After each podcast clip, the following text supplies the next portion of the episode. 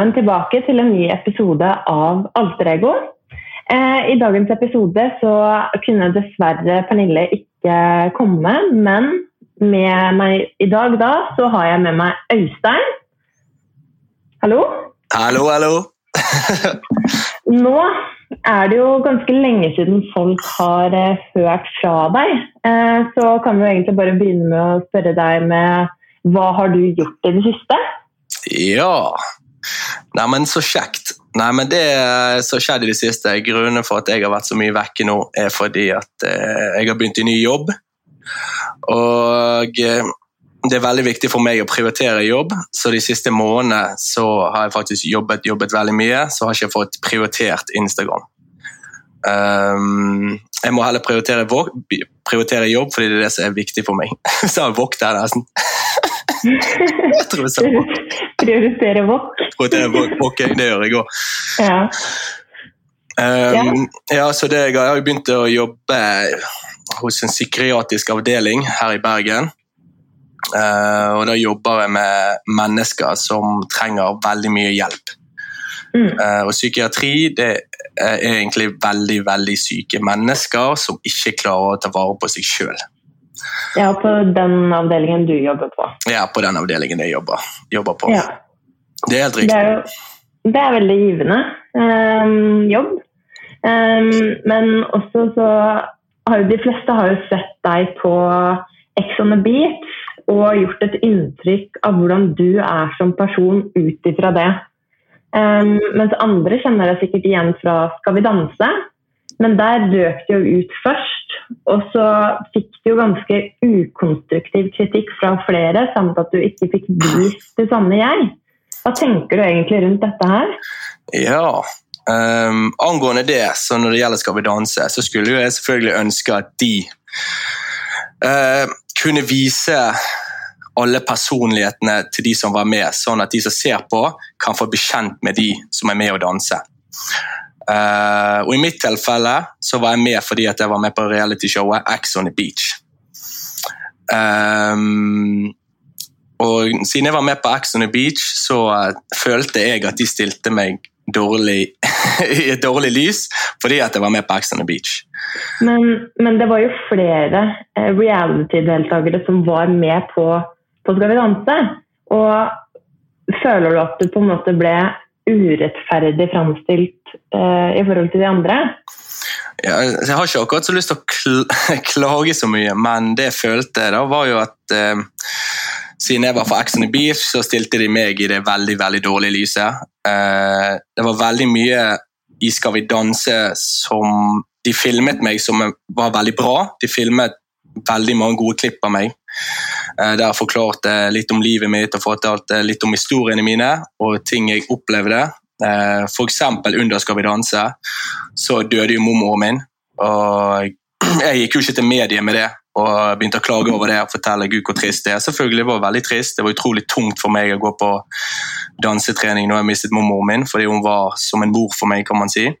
Mm. Eh, og det fortalte jeg til de Skal vi danse, og de lot jo ikke meg snakke om det i det hele tatt på kamera.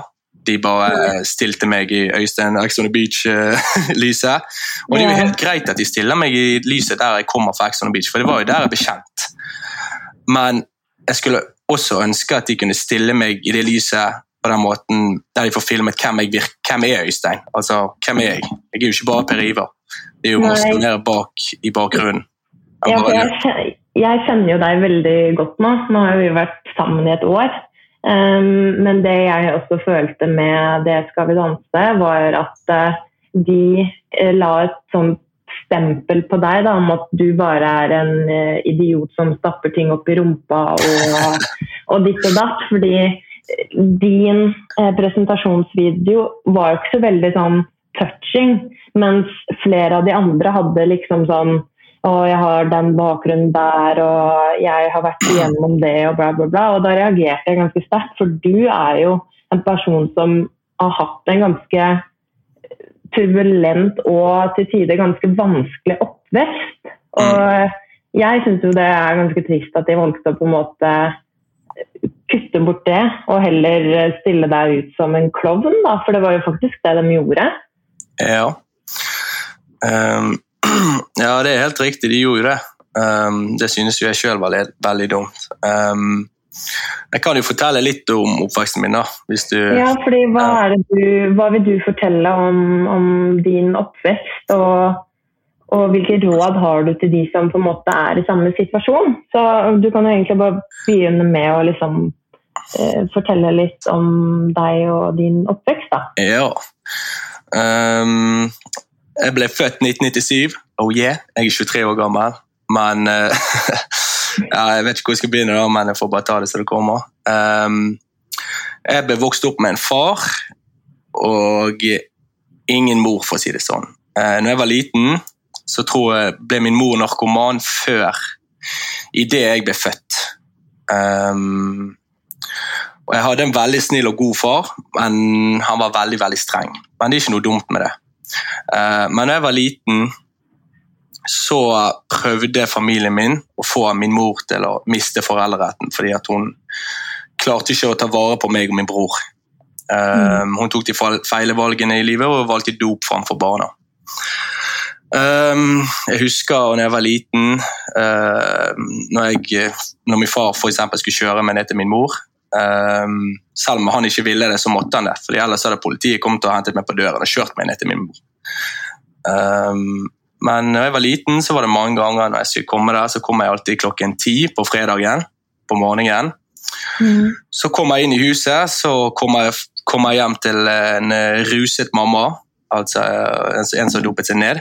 Og så kommer jeg også hjem til Det ligger en, også en ruset mann som bare ligger i sofaen. Uh, mange ganger når jeg kom hjem, så var det mye skriking, krangling. Det var veldig mye vold mellom de to. Ikke uh, mellom eh, din far og mor, men altså denne mannen og din mamma? Ja, ikke mellom min far og mor, men når jeg kom hjem til min mor, så var det to personer som var dopet. Det var min mor, og så var det den andre personen som var der. En fremmed mann. En fremmed mann, ja. Um, og da kom jeg hjem til både dytting, slåing, mye vold.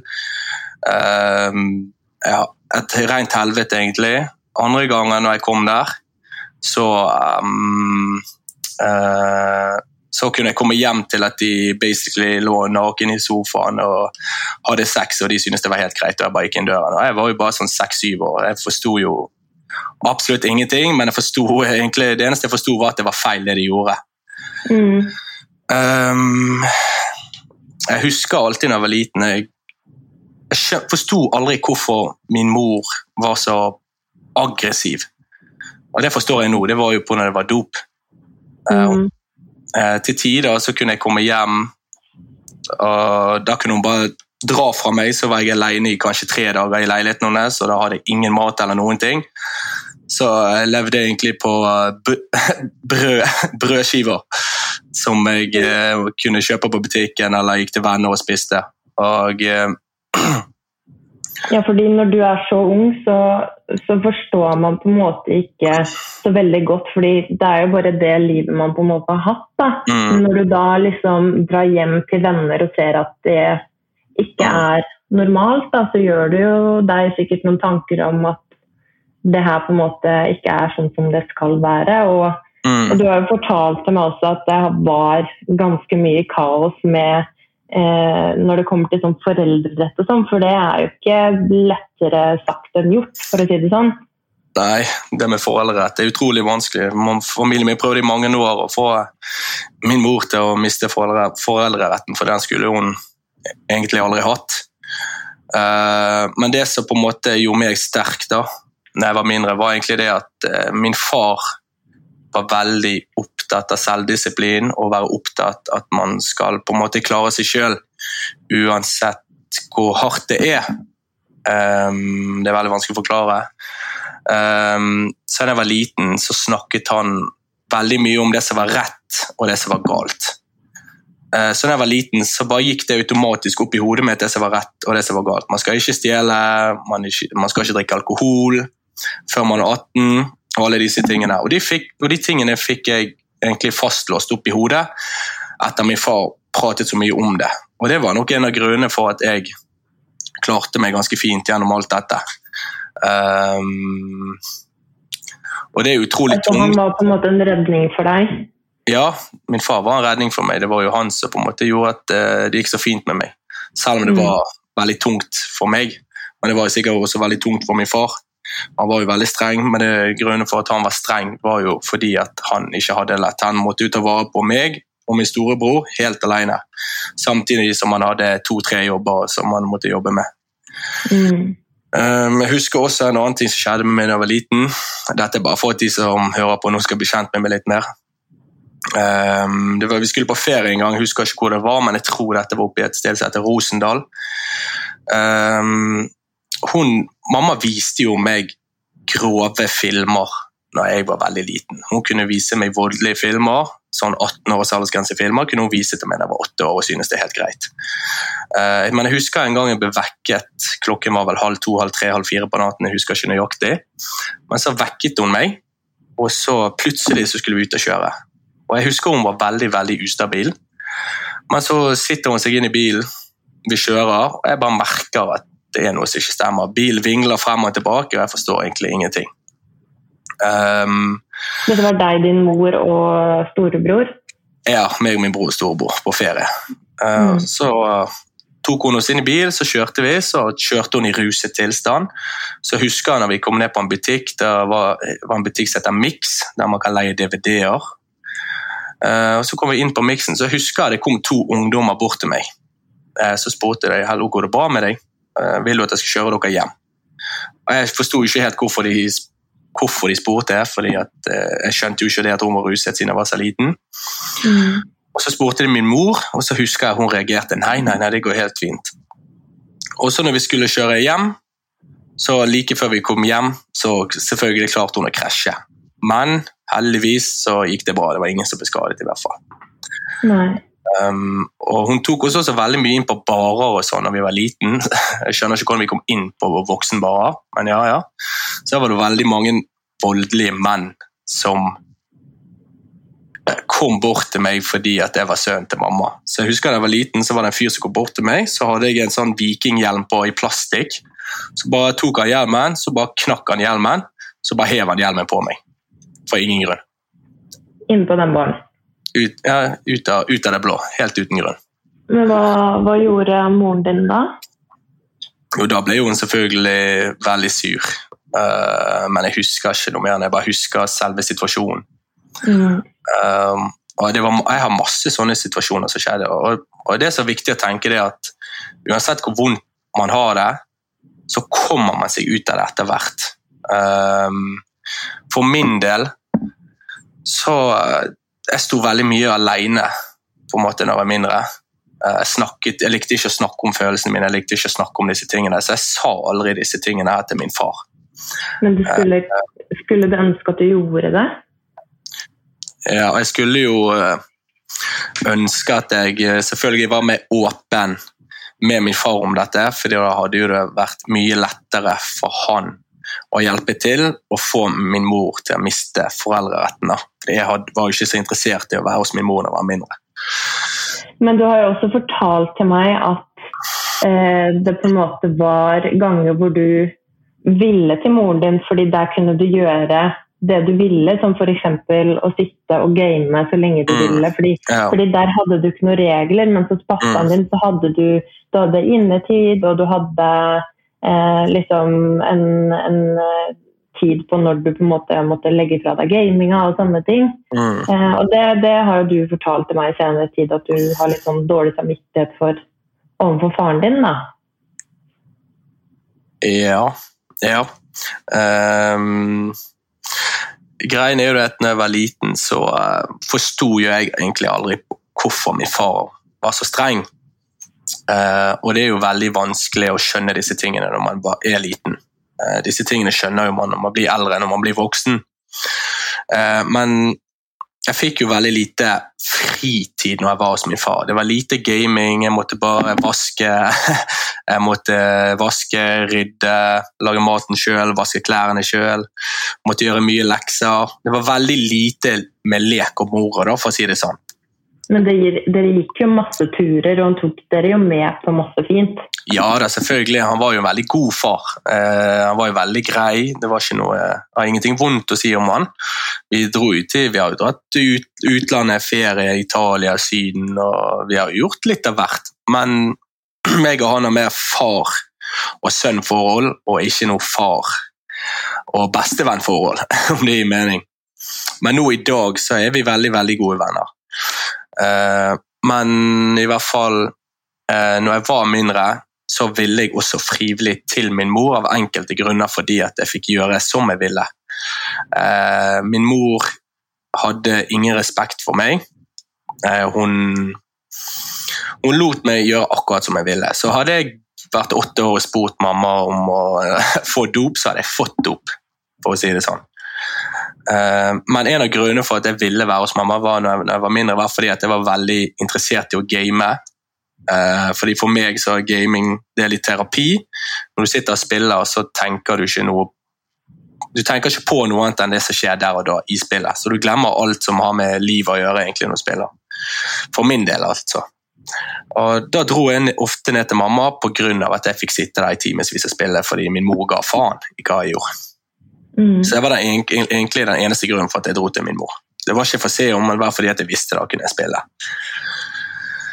Uh, så selvfølgelig andre dager så skulle jeg selvfølgelig ønske at jeg uh, ikke gjorde det, for nå skjønner jeg det at det var helt feil å gå ned til min mor bare for å sitte og spille. ja.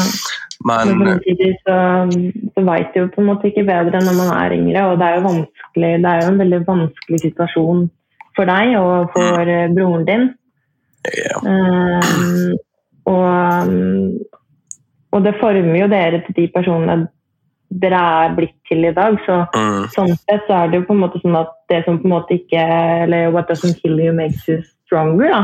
Ja, ja. Og det ligger jo noe sant i det. At du på en måte har vært så heldig at du på en måte har klart å, å liksom ta den leirkrumpen og forme mm. deg til den du er blitt i dag. Men, men samtidig så er det jo ekstremt mange barn og unge som er i en lik situasjon hvor uh, enten mor eller far driver med, med dop.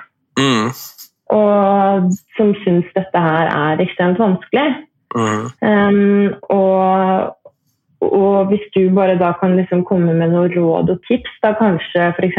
hva du ville gjort annerledes da, med, med hele situasjonen?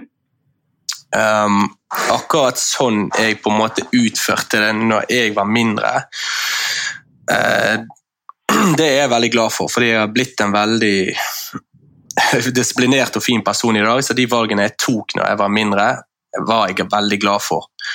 Uh, men det som reddet meg i denne situasjonen når jeg var mindre, var at jeg visste forskjell på rett og galt. Uh, hvis du vet selv hvis du, hvis, La oss si du har det veldig tungt. Dette er et eksempel. Har du det veldig tungt hjemme, og du sliter med et foreldre som bruker rus og dop Det som hjalp meg, var at jeg tenkte det at ok, når jeg blir voksen, så skal jeg stifte egen familie. Jeg skal få egne barn, og jeg skal få en fin kone. Og jeg skal alt, få alt til å funke, så skal jeg gi barna mine alt som ikke jeg fikk. Uh, og Det var egentlig for det meste det jeg levde med da jeg var mindre. Også det at jeg visste sjøl at man får ikke velge foreldrene sine, dessverre. Eh, av og til så er, er, det veldig lite du kan gjøre med situasjonen du er i. Men det man kan gjøre, er at man kan ha en positiv tankegang selv om man er inne i mørket. Mm. Det er alltid et lys i tunnelen, og det er veldig tøft å se lyset i tunnelen når man har det vondt, men det viktigste selv er at man kriger. Det blir nesten som en krig. At du, du blir teleportert tilbake til andre verdenskrig, og krigen starter. Det er ikke lett. Det vil være jævlig tungt, men du må bare gå gjennom det. Så til, til slutt så vinner dere krigen. Mm. Og det var sånn jeg tenkte når jeg var mindre. Dere kommer dere gjennom det, men dere må bare må, dere må bare si til dere sjøl ok, dette skal jeg klare. Uh, hvis det er noen her som hører på som sliter med det, så sitt deg ned. Tenk at dette skal du komme deg gjennom. Dette kommer til å gå bra, og det kommer til å gå bra uansett. Det gjør det. Men da er det veldig viktig å ha en positiv tankegang og, det, og gjøre det beste ut av situasjonen. Fokuser på skolen. Bruk mer tid på venner. Um, gå og spille fotball om det er det du liker, basketball, kampsport. Hvis det er ting du er interessert i å gjøre, så gjør mye mer av det. Uh, det jeg gjorde da jeg var mindre, når jeg også hadde det tungt, var at jeg gikk og trente. Jeg begynte kanskje å trene da jeg var elleve år gammel. Og Da brukte jeg veldig mye tid på trening. Jeg gikk opp på kampsport, fotball og basketball. Og Jeg drev med alle de tingene samtidig, fordi at jeg ville egentlig ikke være hjemme. Så da brukte jeg masse tid på sport istedenfor. Fordi det fikk meg til å tenke på andre ting. Mm. Um, men ja, det vil bli veldig tungt, men det kommer til å gå helt fint til slutt. Og må, man må også tenke det at man, vi er heldige som lever i Norge og er i Norge. Eh, for det finnes hundretusenvis av andre barn som har det verre. Eh, det er mange som jeg kan jeg tipper kanskje det er en million mennesker i denne verden, to millioner, tre millioner, fire millioner, så har det veldig mye verre enn det jeg hadde da jeg var mindre. Men samtidig så føler jeg at man kan ikke sammenligne um, hva som på en måte er verre, eller definere hva som er verre. fordi at det, det, er jo bare du som lever ditt liv, på en måte. Ja. Og, og, selv om andre har det tøft, så er det liksom Selvfølgelig er det mange som kan ha det verre, men jeg føler det på en måte blir så fælt å si det sånn. Fordi ting som er ille for deg, er ille for deg. Og ja. det å da hele tiden måtte gå og sammenligne seg selv eller sin situasjon med andre, blir mm. for meg veldig feil. Og at man skal på en måte ikke, ikke undervurdere eller uh, trykke ned problemene man selv har, bare fordi at uh, enkelte har det verre. Ja, men det var ikke sånn jeg mente det. Um, grunnen for at jeg sa at andre har det verre, er fordi at da er man ikke alene om det. Uh, mm. At det er folk som faktisk har det vondt, og du sitter ikke, du er ikke den eneste som har det vondt. Og med det med når jeg var liten, så visste jeg at folk hadde det verre enn meg. Og for meg, dette gjelder meg personlig, da hjalp det meg med å komme meg lenger opp, med å på en måte uh, leve på det og tenke at jeg ikke er den eneste som har det vondt. For det er ikke bare du som har det vondt, det er jo også flere. Og for meg, mm. meg personlig så hjalp det, det hjalp meg i hvert fall. For da visste jeg at jeg er ikke den eneste som kriger om å få det bedre i livet. Det er sant. Og du har jo klart det, vil jeg si. Ja da, det vil jo jeg også.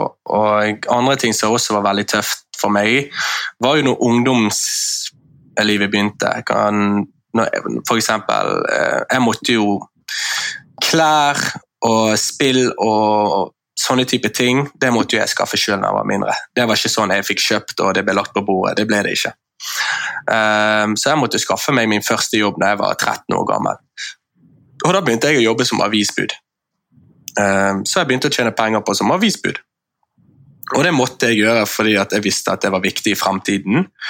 Å få en god CV-søknad og ha arbeidserfaring. Når jeg, ble, når jeg gikk på videregående, så jobbet jeg, så jobbet jeg på Bergen kino.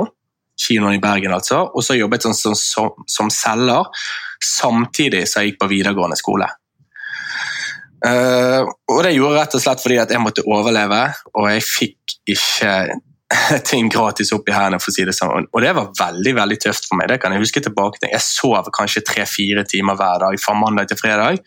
Jeg gikk på skole klokken syv på morgenen var ferdig på skolen klokken to, så gikk jeg videre til cellerjobben min. Så når klokken ble ti på kveld, så gikk jeg på Bergen kino, for da viste de nattfilmer der og kveldsfilmer. Og så var jeg ferdig der klokken ett, og så måtte jeg komme meg hjem. Og sånn mm. holdt jeg på i tre år. Um, så det er veldig viktig å på en måte ha noe å gjøre og drive med noe som kanskje ikke er så veldig kjekt, som f.eks. å jobbe. Det er jo ikke så veldig kjekt å jobbe, men det er veldig lærerikt. Og du vil lære mye av det, og det vil gjøre deg til en bedre og mer disiplinert person. Og det er veldig lærerik lærdom. Um, ja. Men, men uh, um, til folk som er i samme situasjon nå, og som sliter med å være åpne om det, Um, så vil jeg jo bare si det at uh, selvfølgelig, jeg forstår at det kan være veldig lett å føle på sånn skam og sånn, for det vet jeg at du også gjorde, at du syntes det var direkte pinlig. Ja. Men, men samtidig så føler jeg at det er så viktig å være åpen Mm. om det til folk man er trygge på, da. Ja, det er helt sant. Det er veldig viktig å være åpen om det. Er du åpen om det, da vil du få det veldig, veldig, veldig, veldig mye lettere. Jeg skulle ønske når jeg var mindre at jeg var mye mer åpen om det. For det tipper jeg at ting hadde blitt, eller da hadde ting blitt veldig, veldig mye lettere for meg. Mm. Uh, Og er du åpen om det, så vil du få hjelp. Uh, Du kan f.eks. begynne med å fortelle det til bestevennen din.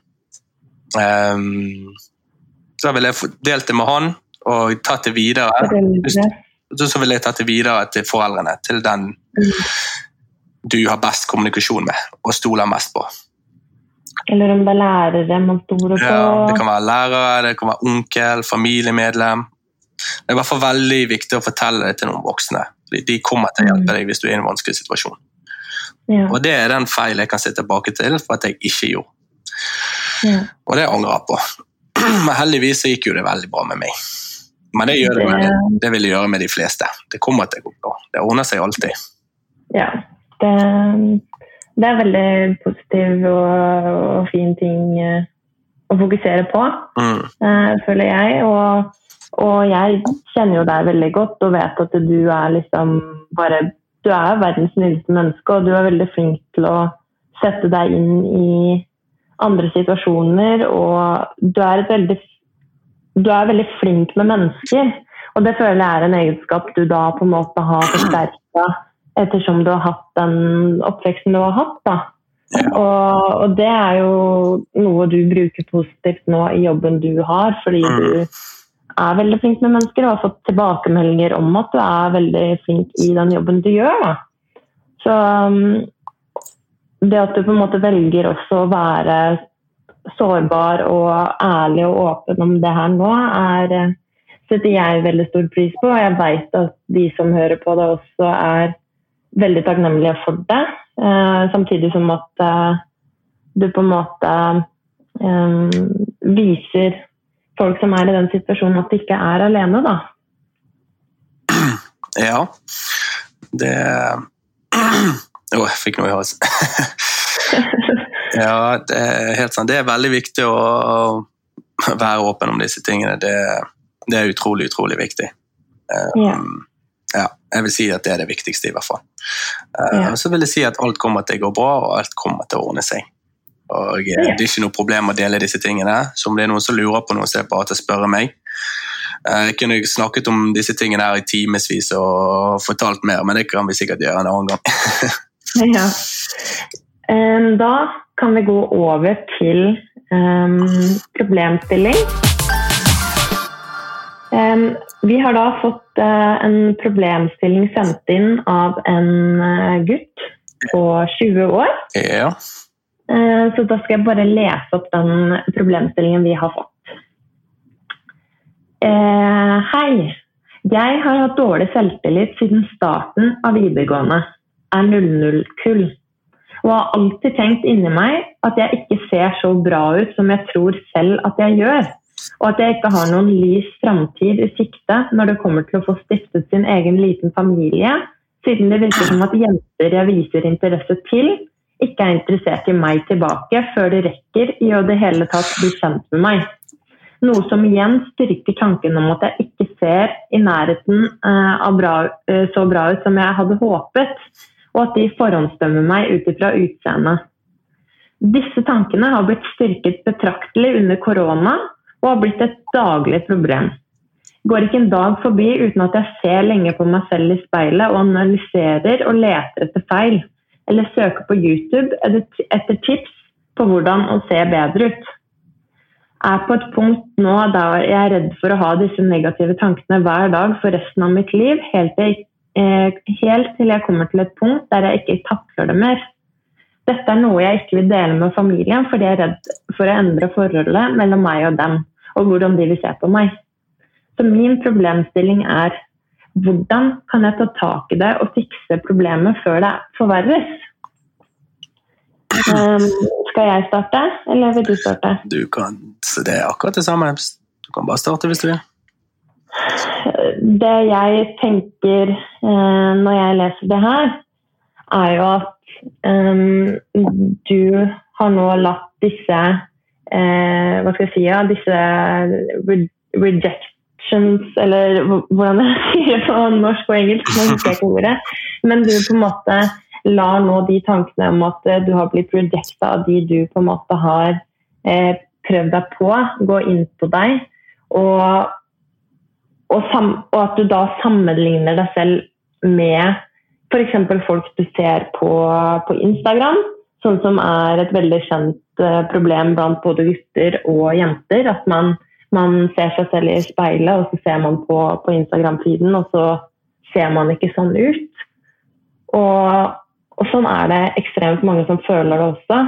Uh, men samtidig så er det så viktig å tenke på at det du ser på nettet, eller alle råda eller tipsa man får om at uh, hvis du gjør det her, så ser du sånn og sånn ut, da ser du bedre ut, da får du alle jentene du vil ha, bla, bla, bla. Og jeg som jente kan bare si med en gang at uh, utseendet er ikke så viktig som det du tror.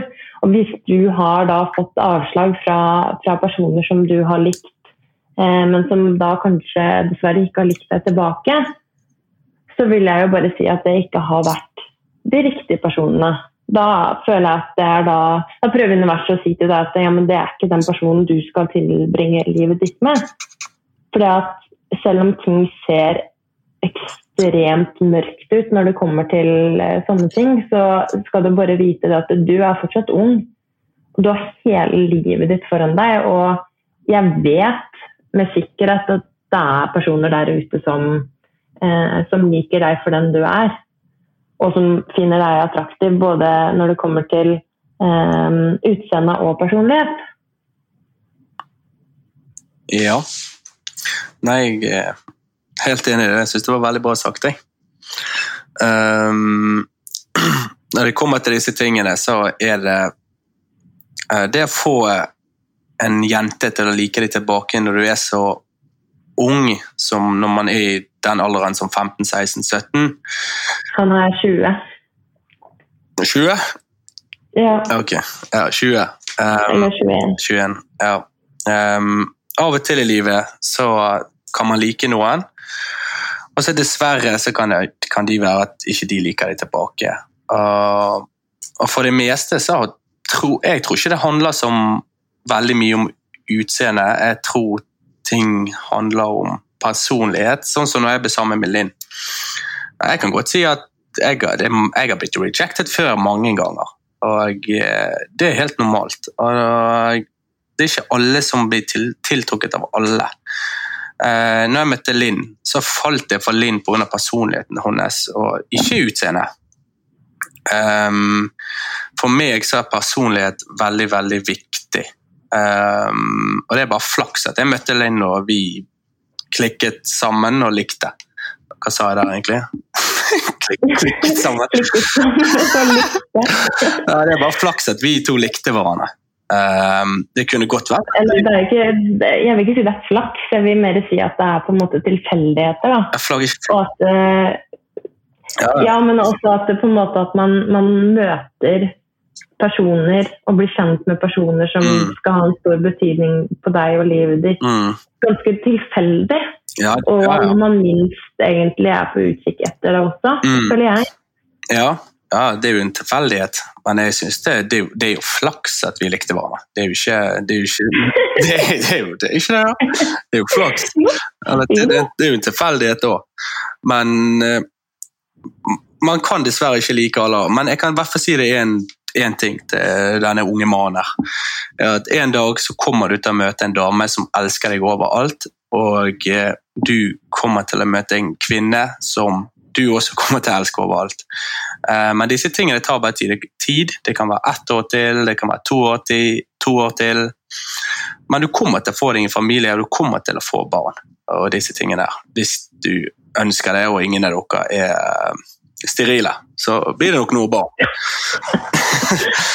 Men uh, Men også tenker jeg også sånn når han på en måte uh, sier at han lenge analyserer seg selv og leter etter feil. eller at han da også søker på YouTube etter tips om hvordan se bedre ut, så tenker jeg bare det at det, slutt med å på en måte um, Hva skal jeg si? Nei, uh, til du da, når du på en måte ser i speilet og leter konstant etter feil, så vrir du da hjernen din om til å tro at alt han, du ser på, er feil. Fordi det problemet hadde jeg også, at jeg kun sa negative ting om meg selv til meg selv konstant. Og da tror hjernen din på det til slutt, men hvis du da klarer å snu om den tankegangen om at men vet du hva, jeg er bra nok, jeg ser bra nok ut, jeg er snill, og jeg har det som trengs som gjør meg til en god og fin mm. person. Mm. Og hvis du på en måte da istedenfor å fortelle deg selv at nei, men for faen, jeg er stygg, jeg er feit, jeg er, eh, jeg er ditt, jeg er datt, jeg får ikke til mm. noen ting. Men hvis du heller kan si sånn at eh, jeg er bra nok, og jeg klarer det jeg vil, og jeg ser mm. bra ut, så får man da snudd om den tankegangen til noe mer positivt. Så så fort du på en måte blir kvitt den der mørke skyen av negative tanker, så får du veldig veldig mye mm. bedre. fordi det kan jeg snakke om fra egen erfaring, at det hjalp ekstremt mye for meg. Ja. ja.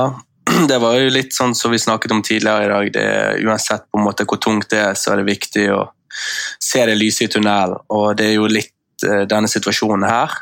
Uh, du må må tenke så positivt mulig som du bare kan. Du er fin, og uansett hvordan du ser ut, uansett hvor tynn du er, hvor mellomstor du er, hvor stor du er, så er du fin uansett. Det er ingenting som er, fin, det er, ingenting som er den finere typen. Det er ikke noe som heter det. Er du en god person, så er du allerede mer enn fin nok.